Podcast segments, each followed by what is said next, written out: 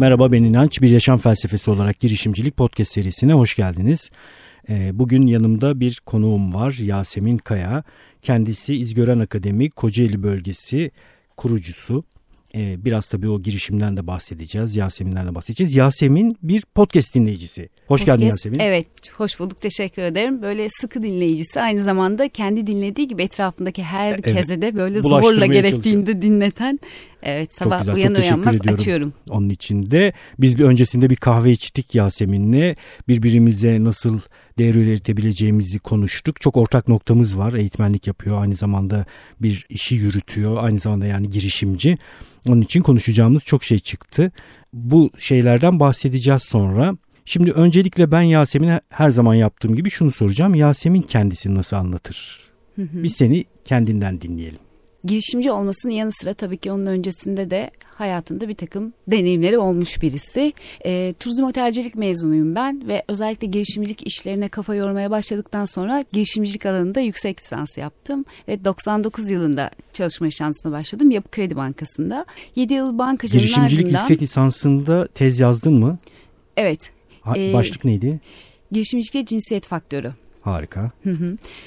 Sonrasında 99 yılında işte banka 7 yıllık deneyimin ardından bana göre olmadığını fark ettiğimde istifa ettim. Yani yarın artık işe gelmeme kararını aldığım gün o iş bende bitmişti. İstifa e, kararını nasıl aldın? Bizim podcast açısından önemli biliyorsun istifa konusu. E, artık bu işte kendimi hiçbir yere götüremediğimi, tekrar ettiğimi, işte yarı kapalı bir cezaevinde olduğumu hissettim ya da kendimi geliştiremediğimi hissettim ki o dönem için bu son derece önemliydi. Yani hayatın bütün e, fazlarında fayda üretiyor olmak benim için kıymetli bir şey ve artık ne kendime ne bir başkasına faydalı olmadığımı düşünmeye başladığımda bıraktım. Ve istifayı verdim. Verdin. Ertesi gün işe gelmeyeceğimi söyleyince dediler ki hayır 45 gün daha çalışman lazım dedim çalışmayacağım. Öyle olunca da o parayı ben ödedim. Genelde ihbar tazminatı evet. Gerçekten mi? Ee, Evet ben çok, ödedim. Çok efsaneymiş bu yalnız. Ee, çok rahatlıkla yapabileceğim bir şey. olmaya bağlıyorum biraz bunu ama onun arkasında da net olmak var galiba. Hani hep bir şey için formül arıyoruz peki nasıl olacağız sorusu geliyor ya.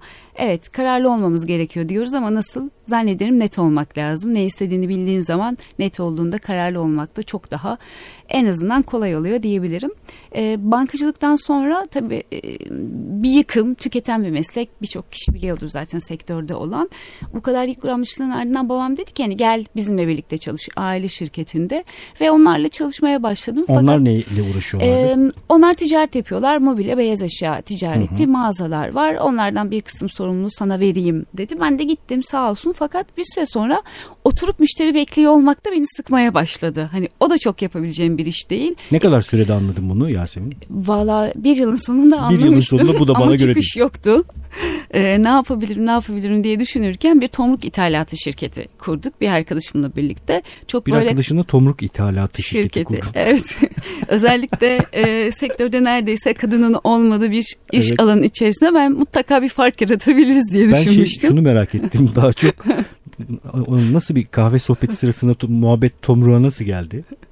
Valla e, nasıl geldi? Aslında etrafımızda Erkeklerden bu işi... konuşuyorduk. Yok. E, şimdi ailemin geçmişinde mobilya ile ilgili bir e, şey var. Arka planda uğraştıkları iş var. Babam da her daim ağaçlara meraklıydı. Onlardan bir şeyler yapmayı, üretmeyi, işinin yanı sıra yapardı bunları. Ve o bana hep böyle feyz oldu diyebilirim. E, bu noktada etrafta da böyle tanıdıklar, ithalata yapabileceğimiz imkanları olunca e, işte eş dost aslında e, bir şekilde vesilesiyle başladı. Ama aynı şekilde onlar sebebiyle de bitmek durumunda kaldı. Bu arada bu tabii ki öyle çok şimdi işin şakası bir yana tabii ki tesadüf değil. Hemen senin yakın çevrendeki ekosisteme bakarak ulaştığın bir şey. Hı hı, hı. Ee, ben onu kurumsalda devam edenleri öneriyorum. Yani bu iş nasıl yürüyor, kimden ne alınıyor, ne veriliyor, anlaşmalar nasıl yürütülüyor, hangi malzeme kullanılıyor, paydaşlar kimler? Bütün bunlar öğrenme alanı sağlıyor. Sen de tabii ki yapmış olduğunuz o mobilya işinin tedarikçilerinden bir, bir kesimi de tomrukçular. Evet. Onu düşünerek de bir geçiş yapmış oldun. Kesinlikle onların hepsi insana e, bir şekilde fikir veriyor ama bakarsan ve bu anlamda biraz meraklı olursan. Ne kadar sürdü tomruk işi? E, o da iki yıl kadar sürdü çünkü paralel gitti bu iki iş birbirine. Orada değer üretmeye başlayınca Aa, süper aferinmiş falan dedi babam ki bu çok kıymetli. Eminim her çocuk için öyledir. Ebeveynlerinden o onayı almak. Fakat e, bize aracı olan kişiler ve e, o dönemde Ukrayna'dan ithal ediyorduk ve orada işte vergi olsun, yasalar, devlet çok da e, legal yürümüyordu işle. illegal iz paralara gönderdik. Mallar gelmedi son partide ve Oo, battı iş. Gerçekten evet, mi? Büyük e, bir para sıra, gönderdiniz ve mal gelmedi. Evet, yanı sıra babam bana kurdu öbür işi de batırdım. Hangisi ee? İşte o mobilya ilgili yürüttüğümüz ha, evet. ticaret e, süreci içerisinde. Ve bunlardan bir şeyler öğrendiğimi düşünüyorum. Yani en kötü şirket nasıl batırılır gayet iyi şekilde İki öğrenmiştim. var yani. Çok var güzel. var. Çok şükür Harika. var. Bunun da sen de söylüyorsun ya ara ara çok kıymetli olduğunu düşünüyorum. Yani şu anlamda kıymetli. Orada öğrendiklerinizi bir daha yapmayarak işte batırmayı öğrendiğinde bunları yapma bir şekilde işler yolunda gider gibi bir felsefem var benim ve bu süreç dört yıllık bir süreçti ve sonunda da ya dur dedim hiçbir şey yapma çünkü yapıyorsun ve olmuyor. Bunun bir yolu olmalı, farklı bir metodu olmalı. Bir koşuk eğitimine gittim o sırada. Ee, o da tesadüfi bir şekilde işte bir filmden bir kare izledim. Sonra bu ne manen bir şeymiş diye 2008 yılında ben de peşine giderek o koşukta aslında bir ölçüde kendimi keşfetmeyle ilgili çok büyük bir e, fırsat yakaladım diyebilirim. Neyi yapıp yapamayacağıma dair. Hangi ee, film hangi kare? Nip Taklı filmin adı. Niptak filmi. Hı hı, Dizi hı. galiba değil mi? Evet bir diziydi. Doktorların estetik cerrahların oldu. Orada bir koçluk görüşmesine e, şahit olmuştum ve orada ya evet bu yapabileceğim bir şey diye düşündüm. Sonra o sürecin içerisinde aslında e, koçla birlikte ben de çalışmaya başlarken ve metotları kendi üzerimde uygularken ki en çok faydasını kendime gördüm diyebilirim. Başkalarına da elbette fayda odaklı bir iş ama en büyük fayda kendime oldu. Ben ne yapacağımı anladım ve onlardan bir tanesi de koçluk yanı sıra eğitmenlik yapmaktı. Bununla ilgili bir eğitimcinin eğitim programı ararken de e, Türkiye Uğur Böcekleri projesi eğitimcinin eğitimini gördüm. Bu da şu ne anda projesi? Anlamadım. Türkiye Uğur Böcekleri projesi Uğur Böcekleri. eğitimcinin eğitim programı. Hikaye şu e, projeye dahil olan gönüllüler bilgiye ulaşmakta güçlük çeken kişilere bilgiyi ulaştırmak üzere bir seminer veriyorlar gönüllü olarak. Çocuk esirgeme kurumları, cezaevleri, üniversiteler bugün hala tabii İzgören'in ve projenin bir parçası olarak ben de birçok yere konuşmacı olarak gidiyorum. E, asıl amaç orada hani profesyonel bir şey yakalamak değil ama projenin amacı ve maksadı bana çok uygundu. Yani fayda sağlayacak bir iş, gönüllü yapılacak bir iş, insanlara değer katacak bir işin bir parçası olmak ve iki günün sonunda ya sadece o işin bir parçası değil, e, bunu yürüten işte bunu ortaya koyan kurumunda bir parçası olmak niyetiyle İzgören Akademi'de eğitmenlikle ilgili bir programa katıldım. Daha uzun kapsamlı 12 günlük bir programdı bu. Sonunda e, genel olarak bugün bizim de baktığımız ya bu kişiden eğitmen olur mu, ekibin parçası olur mu diye bir değerlendirme oldu. Ve ben de hani beni de seçerler mi, beni de içlerine alırlar mı diye baktım ama öyle bir şey olmadı seçmediler. E, fakat ben onları bir... mi? Hikayeyi ben böyle evet. vardır yani hikayenin gelişimi e, acaba ben de eğitmen olur muyum diye Tabii beni de seçerler mi? Çünkü orası bir yetenek havuzu. Bugün hala izgören e, eğitmenlerini büyük ölçüde yüzde seksen oranında o potansiyelin içerisinden seçer. Seçilmedin ve yani. Ben seçilmedim sağlık olsun dedim. Fakat ben bir öneriyle gittim. O dönemde İzgören Akademi'nin işte üç tane ofisi vardı ve büyüme ile ilgili tüm Türkiye'de faaliyet gösteriyoruz. Farklı bölge müdürlüklerinin kuruluşları ile ilgili. Ben de bu öneriyle gittim. İşte. Bir dakika yavaş gidelim ağır ağır. Tamam. İlginç bir öykü. Ben, ben tabii şunla çok ilgileniyorum. Sen de dinle, dinlediğin için daha önceden biliyorsun. Hı hı. Düşünce süreci, hangi düşünce hangisine e, yol verdi, neden ilham aldın gibi şeyler. Şimdi eğitmenlik iptal oldu. Normalde biraz böyle kırılır insan. E, hatta o kadar kırılabilir ki izgören ismini bile duymak istemez. Yani bırak onunla ilgili iş yapmayı. Ama sen e, tamam eğitmen olmuyorum, sağlık olsun. Şimdi o halde şunu bir fırsata dönüştürebilirim diye bir şey düşündün. Onu, o düşünce nasıl gelişti?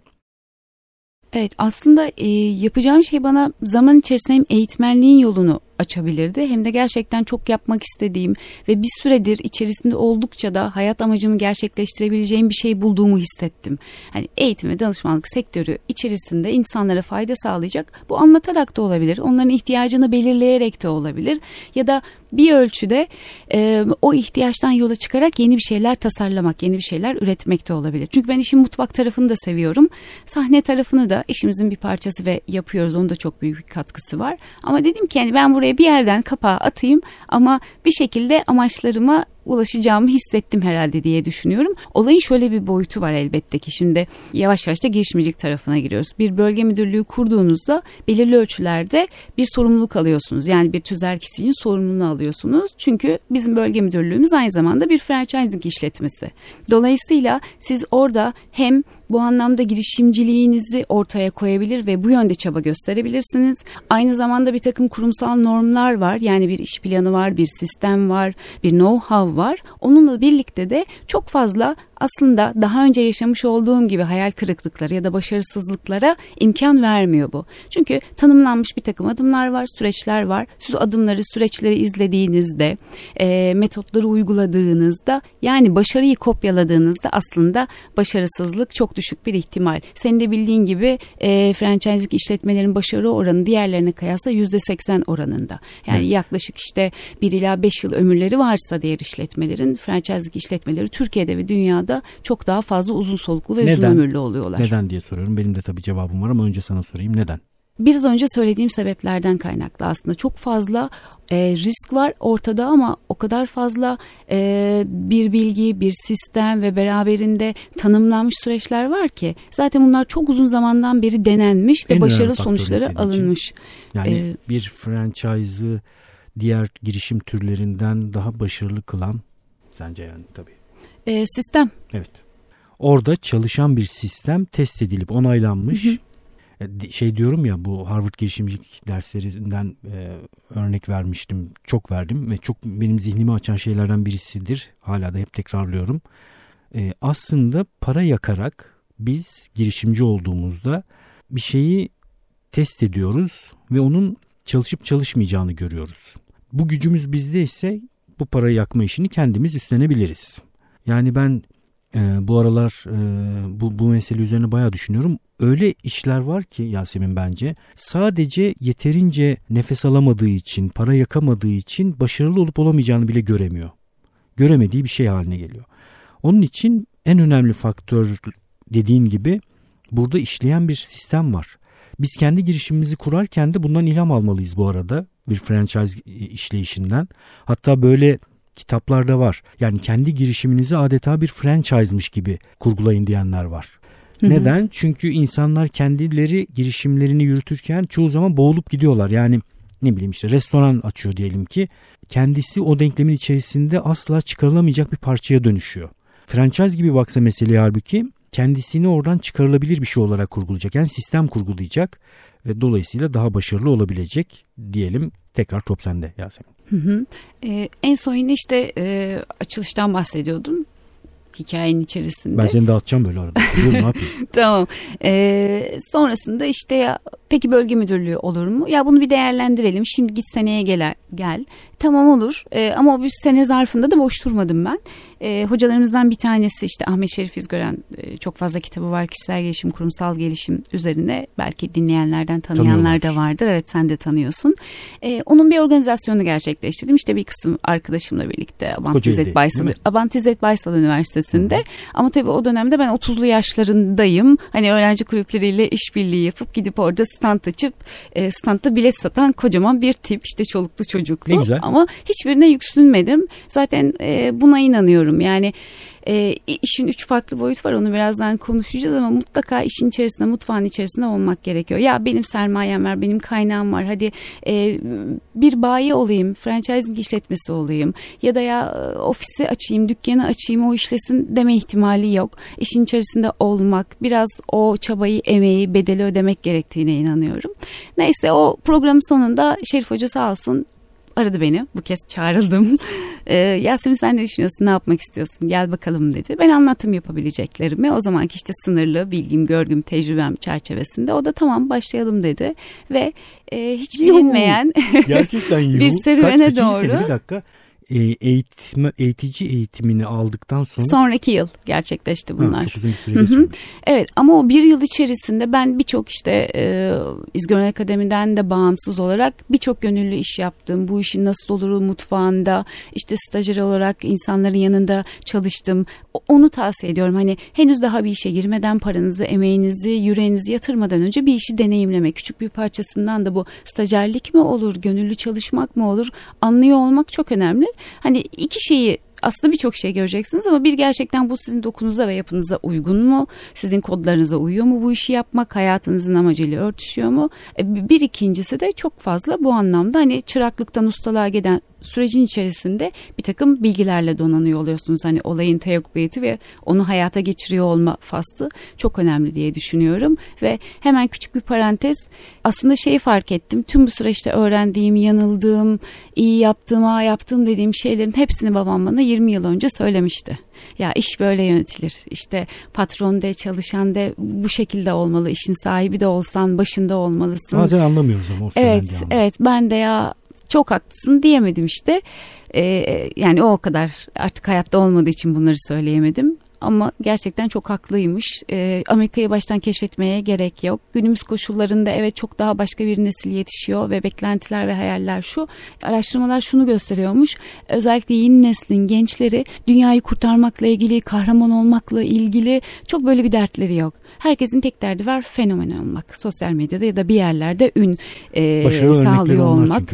Evet kesinlikle öyle. Hani o eski eski kahramanlık mitleri şu andaki gençlerin hayallerini süslemiyor açıkçası. Evet doğru. Bu deneyimden öğrenme meselesi çok önemli. Bunu bir kere yerleştirdikten sonra insan zihnine bunu anladıktan sonra yani her şeyi de yaşayarak öğrenmek zorunda değilsin. Deneyim bir kendi deneyiminden öğrenmek var. Yüksek maliyetli.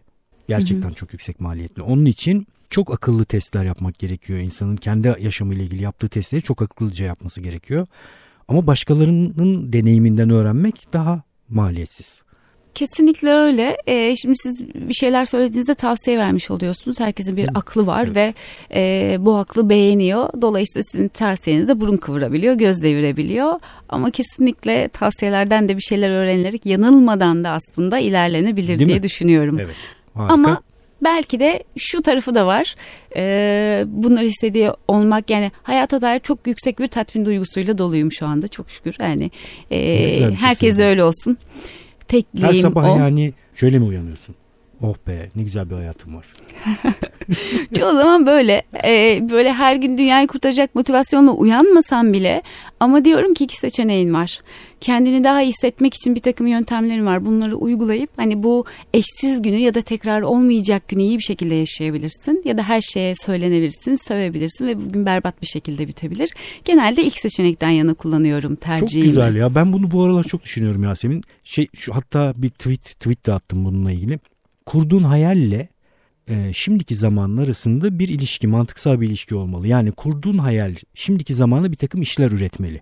Eğer iş üretmiyorsa yani herhangi bir iş yapamıyorsun o hayale ulaşmakla ilgili o hayal yanlış hayaldir diyorum. Hı hı. Yaşam tarzı da buna benziyor. Yani bir yaşam tarzı hayal ediyorsan eğer o yaşam tarzına ulaşmak üzere şimdiki zamandan itibaren bir şeyler yapabiliyor olman lazım. Ümit taşıyor olman lazım.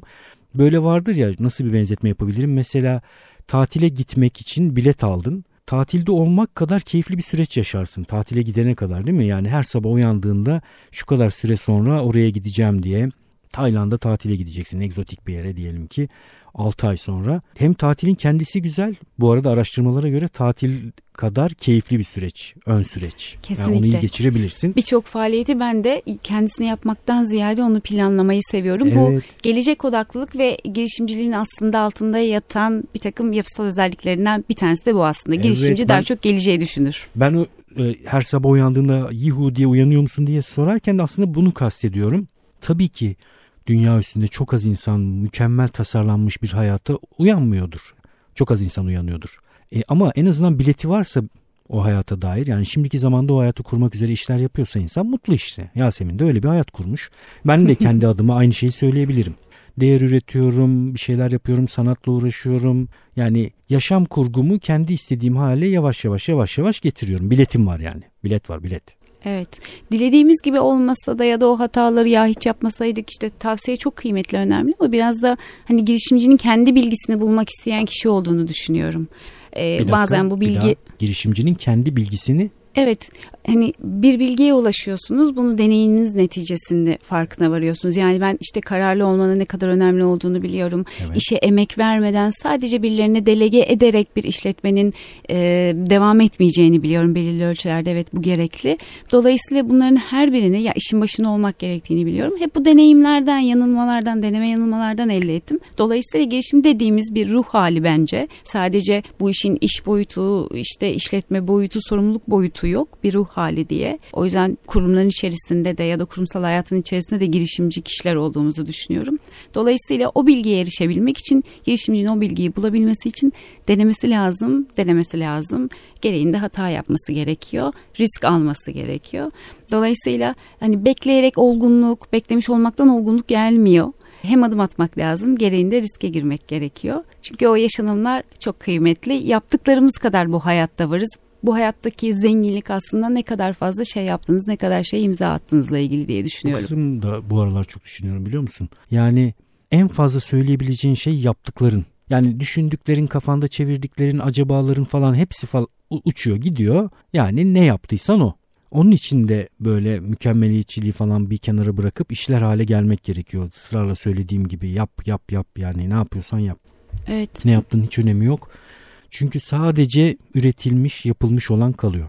Bu hayattaki varlığımızı gösteren şey o aslında yaptığımız, yaşadığımız eylemler ve geriye dönüp baktığımızda da ya evet hani iz bırakan şeyler ve aynı zamanda şey adına da söyleyebilirim. Hani girişimcilikte bizi ileriye taşıyacak şeylerden bir tanesi de bu. Hem bir koçluk metodu olarak hem de benim de hayatta uyguladığım bir yöntem olarak da söyleyebilirim. Hani geçmiş başarıyla da insan yeri geldiğinde güç alarak ileriye devam edebiliyor. Çünkü dediğin gibi hepimiz çok muhteşem sabahlara uyanmıyoruz. Bir şeyler kötü gittiğinde bile ya diyorum ki bunu daha önce yapmıştım tekrar yapabilirim. Ümit bunu bir kere yani. başardım özellikle de bir işi başardığınızı hissettiğinizde sonrası her iş başarılabilir geliyor. Evet. Şu anda mesela artık e, rotamı biraz daha seri girişimcilik tarafında bir şeyler yapmayla ilgili çevirdim. E, belki bu kalalık ama yine de böyle hissediyorum. Yani şu anda ben bir işi başardım. Başaramadığım şeyler de var elbette ki daha çok uzun bir yol var. Ama bir yandan da bir işin nasıl başarılacağını öğrendikten sonra hani ustalık kitabında da yazdığı gibi başka işleri başarıyor olmak ya da tekrar çıraklıktan ustalığa giden süreç çok daha kısalıyor diye düşünüyorum. Çok güzel ustalık kitabı da efsane kitaplardan bir tanesi. Onu da okusun herkes. Son bölüme doğru biraz sarkıyor ben öyle hissettim ama başları özellikle ortalara hı hı. kadar falan çok iyi. Evet Yasemin'le sohbetimizin ilk bölümünü tamamlıyoruz. Bizim için çok keyifli geçti sohbet. Umarım sizler için de dinlemesi keyifli olmuştur. İnançayar.com podcast sekmesinden bölümde adı geçen kişilere kitaplara ulaşabilirsiniz. İlk 10 bölümü dinlemediyseniz ve doğrudan bu bölümden başladıysanız ilk 10 bölüm çok önemli. E, işin felsefesini anlattığım ilk 10 bölüm. İlk 10 bölümü sıralı olarak dinleyelim lütfen. Görüşmek üzere.